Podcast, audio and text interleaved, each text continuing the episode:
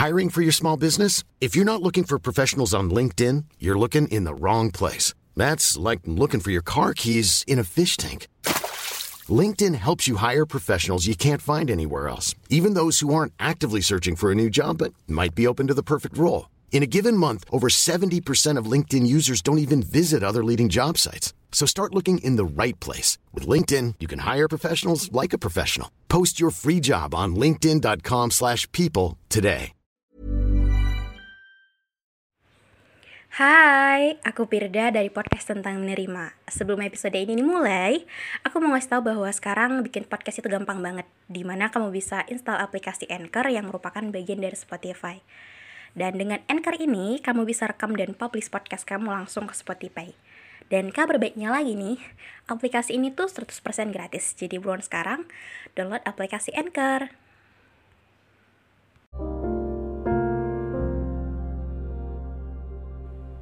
Jadi, di episode TC kali ini, aku mau bacakan cerita lagi yang udah kalian DM di Instagramku, biar semua orang. Dan cerita kali ini, hmm, mungkin nggak jauh-jauh temanya dari tema minggu lalu tentang keluarga. Tapi ini menarik karena uh, sungguh amat complicated gitu. Jadi mungkin kita harus dengerin dulu. Halo Kak Firda, mohon maaf baru uh, berani untuk cerita dan mungkin cerita ini akan sedikit kepanjangan. Tapi perkenalkan, namaku Haki. Aku penggemar baru kakak. Dan semoga Kak Firda sehat selalu ya.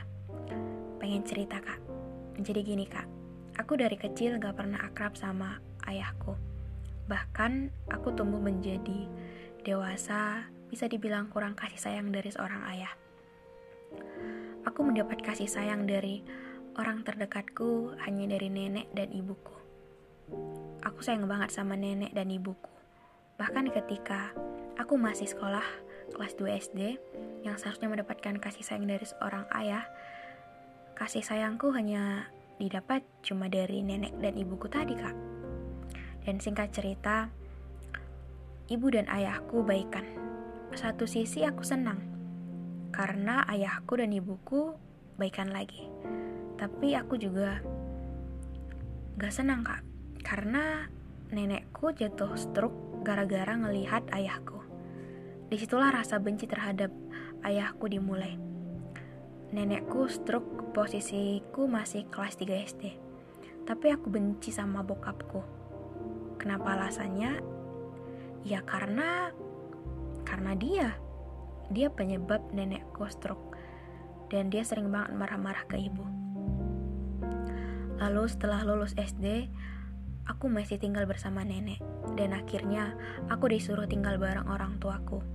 Dan akhirnya aku nurut. Sedih banget sebenarnya kak, harus ninggalin nenekku yang stroke. Oh iya, by the way, aku dua bersaudara. Aku punya adik dan adikku udah tinggal bersama ayah dan ibuku. Dan aku tinggal bersama nenek dan omku. Aku sedih lagi kenapa? Karena aku anggap nenekku adalah pengganti bokapku dan akhirnya aku tinggal bersama orang tua aku. Dan aku disuruh masuk pesantren pada waktu itu karena ayahku yang agamis. Mau gak mau, aku harus nurutin untuk di pesantren dalam keadaan terpaksa. Sumpah itu gak enak banget kak. Beberapa minggu setelah pesantren, aku pura-pura sakit. Karena aku kangen banget sama nenekku dan akhirnya aku diizinkan untuk uh, di rumah dan tiba-tiba aku beneran sakit kak dan akhirnya sakitku sangat serius dan harus dioperasi setelah sembuh dari operasi akhirnya aku keluar dari pesantren itu dan sekolah MTS di dekat rumah lalu pada tahun 2018 tepatnya aku masih duduk di kelas 8 SMP pada waktu itu aku dikabarkan oleh ibu kalau nenek sudah meninggal aku sedih banget kak Sedih banget karena orang yang selalu sayang dan manjain cucunya pergi ninggalin aku.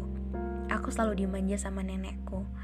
Aku disayang sebegitunya dan aku nyesel banget kenapa di saat mau uh, dipanggil ketika dia mau pergi aku nggak ada di sisinya. Di situ aku merasa bersalah banget kak. Beberapa tahun setelah kehilangan nenekku yang tadinya aku anak rumahan banget gak boleh keluar malam dan akhirnya aku jarang di rumah.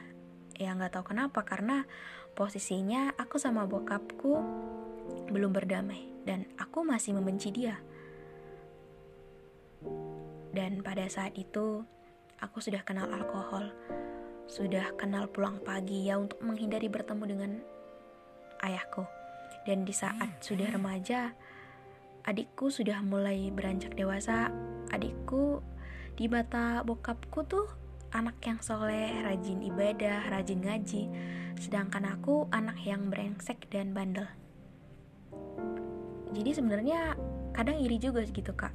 Dia bisa akrab dan selalu dimanja sama bokap, sedangkan aku enggak gitu dan pernah kejadian aku ngelihat adikku sedang ngerokok dan aku ngadu ke bokapku dan aku pengen tahu gitu gimana reaksi ayahku ketika melihat uh, anaknya mencoba merokok gitu tapi setelah aku ngadu ke bokapku bokapku nggak percaya dan salahnya aku nggak foto juga sih untuk bukti bahwa adikku memang merokok gitu dan bokapku bilang gini, Ayah gak pernah percaya sama kamu.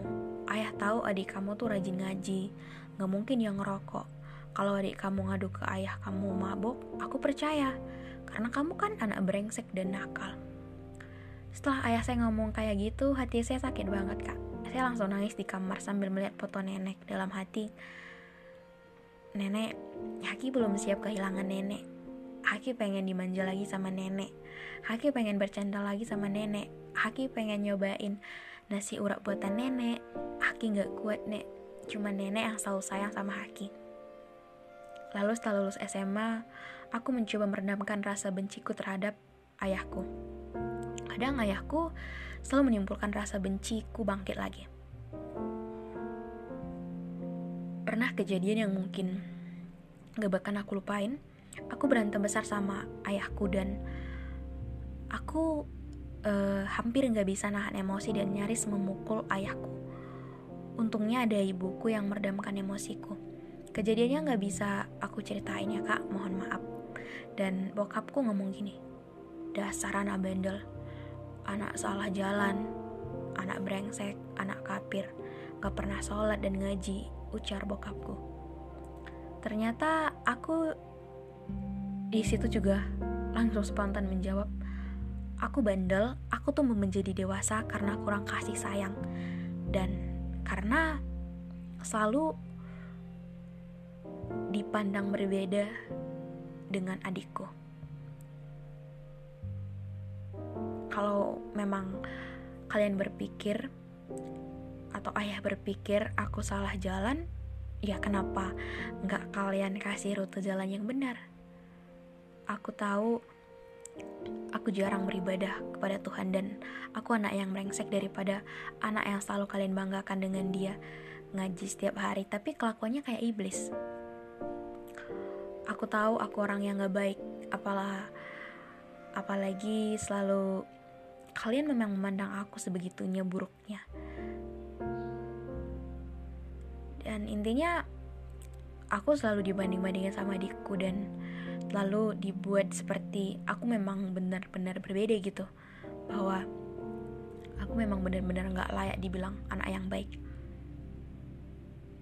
Dan jujur kalau ada mesin waktu aku pengen banget hidup lebih lama lagi dengan nenek kak mungkin ini cerita yang dapat aku sampaikan terima kasih kak sudah dengerin aku cerita tetap semangat dan sukses selalu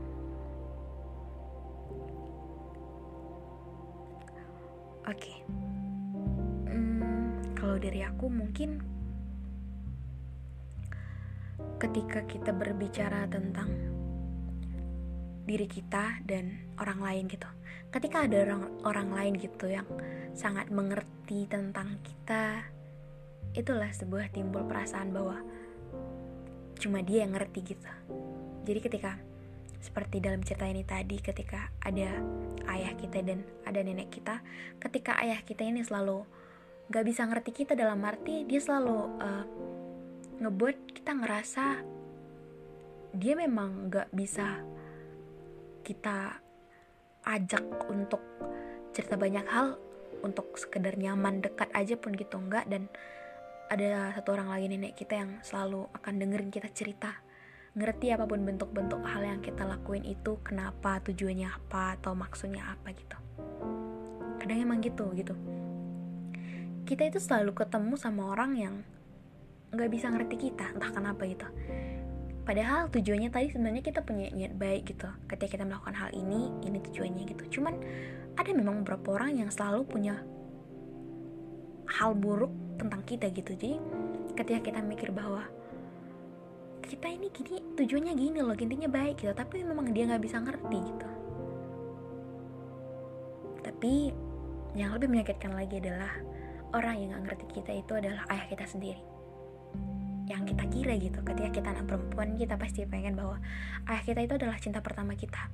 Orang yang selalu ada ketika orang-orang menghina menjelekkan kita nggak apa-apa masih bisa ditahan gitu. Tapi ketika ayah kita sendiri gitu orang yang harusnya gak gitu gitu kita dan dia juga punya sudut pandang yang berbeda terhadap kita dan adik kita padahal kita sama-sama anaknya gitu ngerti banget sih itu rasanya gak enak. Karena dibanding-bandingkan itu nggak akan pernah ngebuat kita termotivasi untuk lebih baik lagi. Itu cuma membuat kita ngerasa bahwa dia memang gak mau ngerti kita gitu. Apa sih kenapa sih sebenci itu gitu dia ke kita gitu. Dan aku juga lebih sedih lagi ketika orang yang ngerti kamu gitu nenek kamu tadi. Dia udah pergi gitu. Aku juga pernah sih mengalami sedikit cerita kayak kamu ini. Jadi aku karena aku tipe orang yang susah cerita gitu. Jadi hmm, aku tuh punya nenek gitu dulu. Ketika dia masih hidup dia memang sengerti itu sih. Kayak kamu bilang bahwa ketika kita cerita sama dia dia bisa ngerespon hal-hal yang kita sampaikan itu tadi dengan respon yang bener-bener layak gitu. Ketika kita cerita tentang sekolah kita tentang teman kita tentang apa pun ketika kita ngelakuin ini dia nggak pernah langsung berpikiran negatif atau terlalu melarang-larang gitu.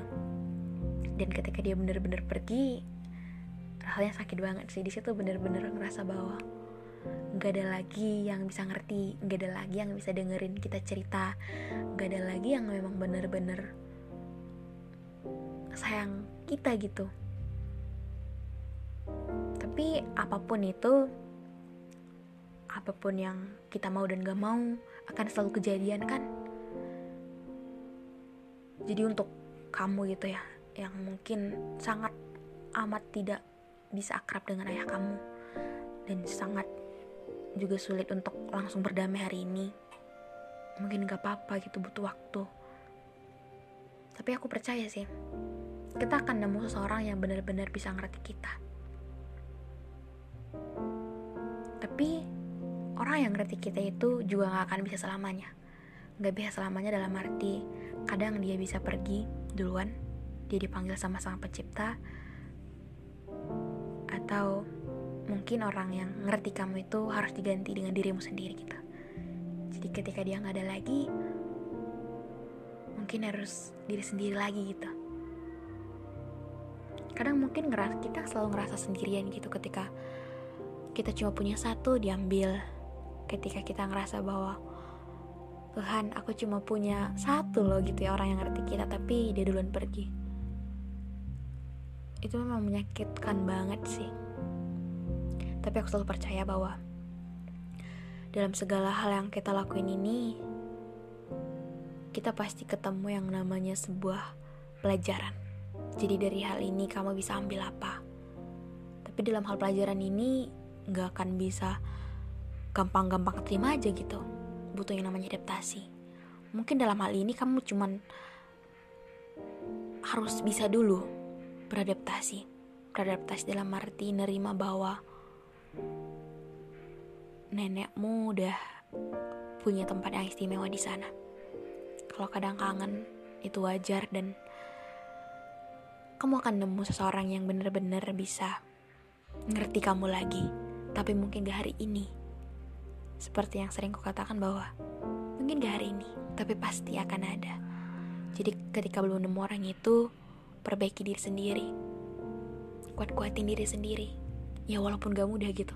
Dan kamu cerita ini mulai dari perjalanan SD, SMP, sampai SMA dan bener-bener se berurutan itu jadi kamu udah benar-benar memang senyesek itu selama itu untuk ngerasain hal ini tapi belum juga ketemu titik temu bahwa oh jadi ini ya maksudnya gitu. Jadi ketika begini harus terima jadi ketika begini harus apa itu mungkin masih misteri yang harus kita cari-cari dulu gitu. Tapi apa pun masalahnya menyerah bukan solusinya. Jadi sekarang bertahan. Apa yang kamu bisa, hal kecil apa yang bisa kamu ubah mungkin dari yang tadinya kebiasaan kamu yang kurang baik. Kalau kamu gak suka ketemu ayah kamu, mungkin kamu keluar boleh, tapi jangan alkohol atau ngelakuin hal-hal yang sedikit demi sedikit ngerubah diri kamu lebih baik lagi. Karena kebahagiaan itu cuma terletak pada diri kita sendiri. Kita nggak bisa menjadikan keluarga atau seseorang menjadi faktor yang ngebuat kita ngerasa lebih baik, ngebuat kita bahagia. Tapi kita harus ngelakuin sesuatu karena kita sayang ke diri kita sendiri. Mungkin ketika hidup kita berantakan, kita harus cari tempat di mana hal ini bisa diselesaikan.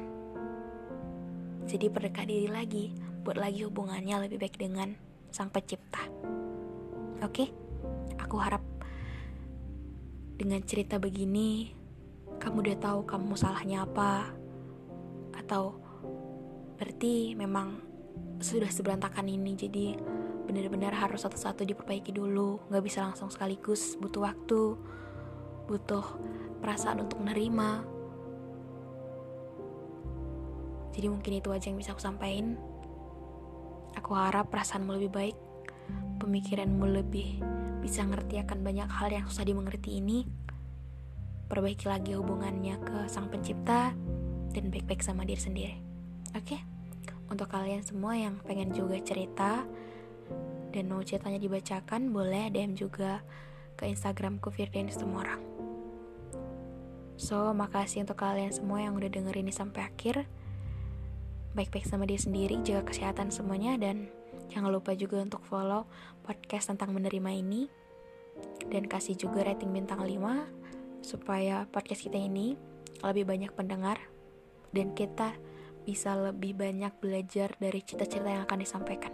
Jadi kita bisa saling nguatin dan berbagi banyak hal yang memang harusnya bisa kita dengarkan. Oke? Dadah.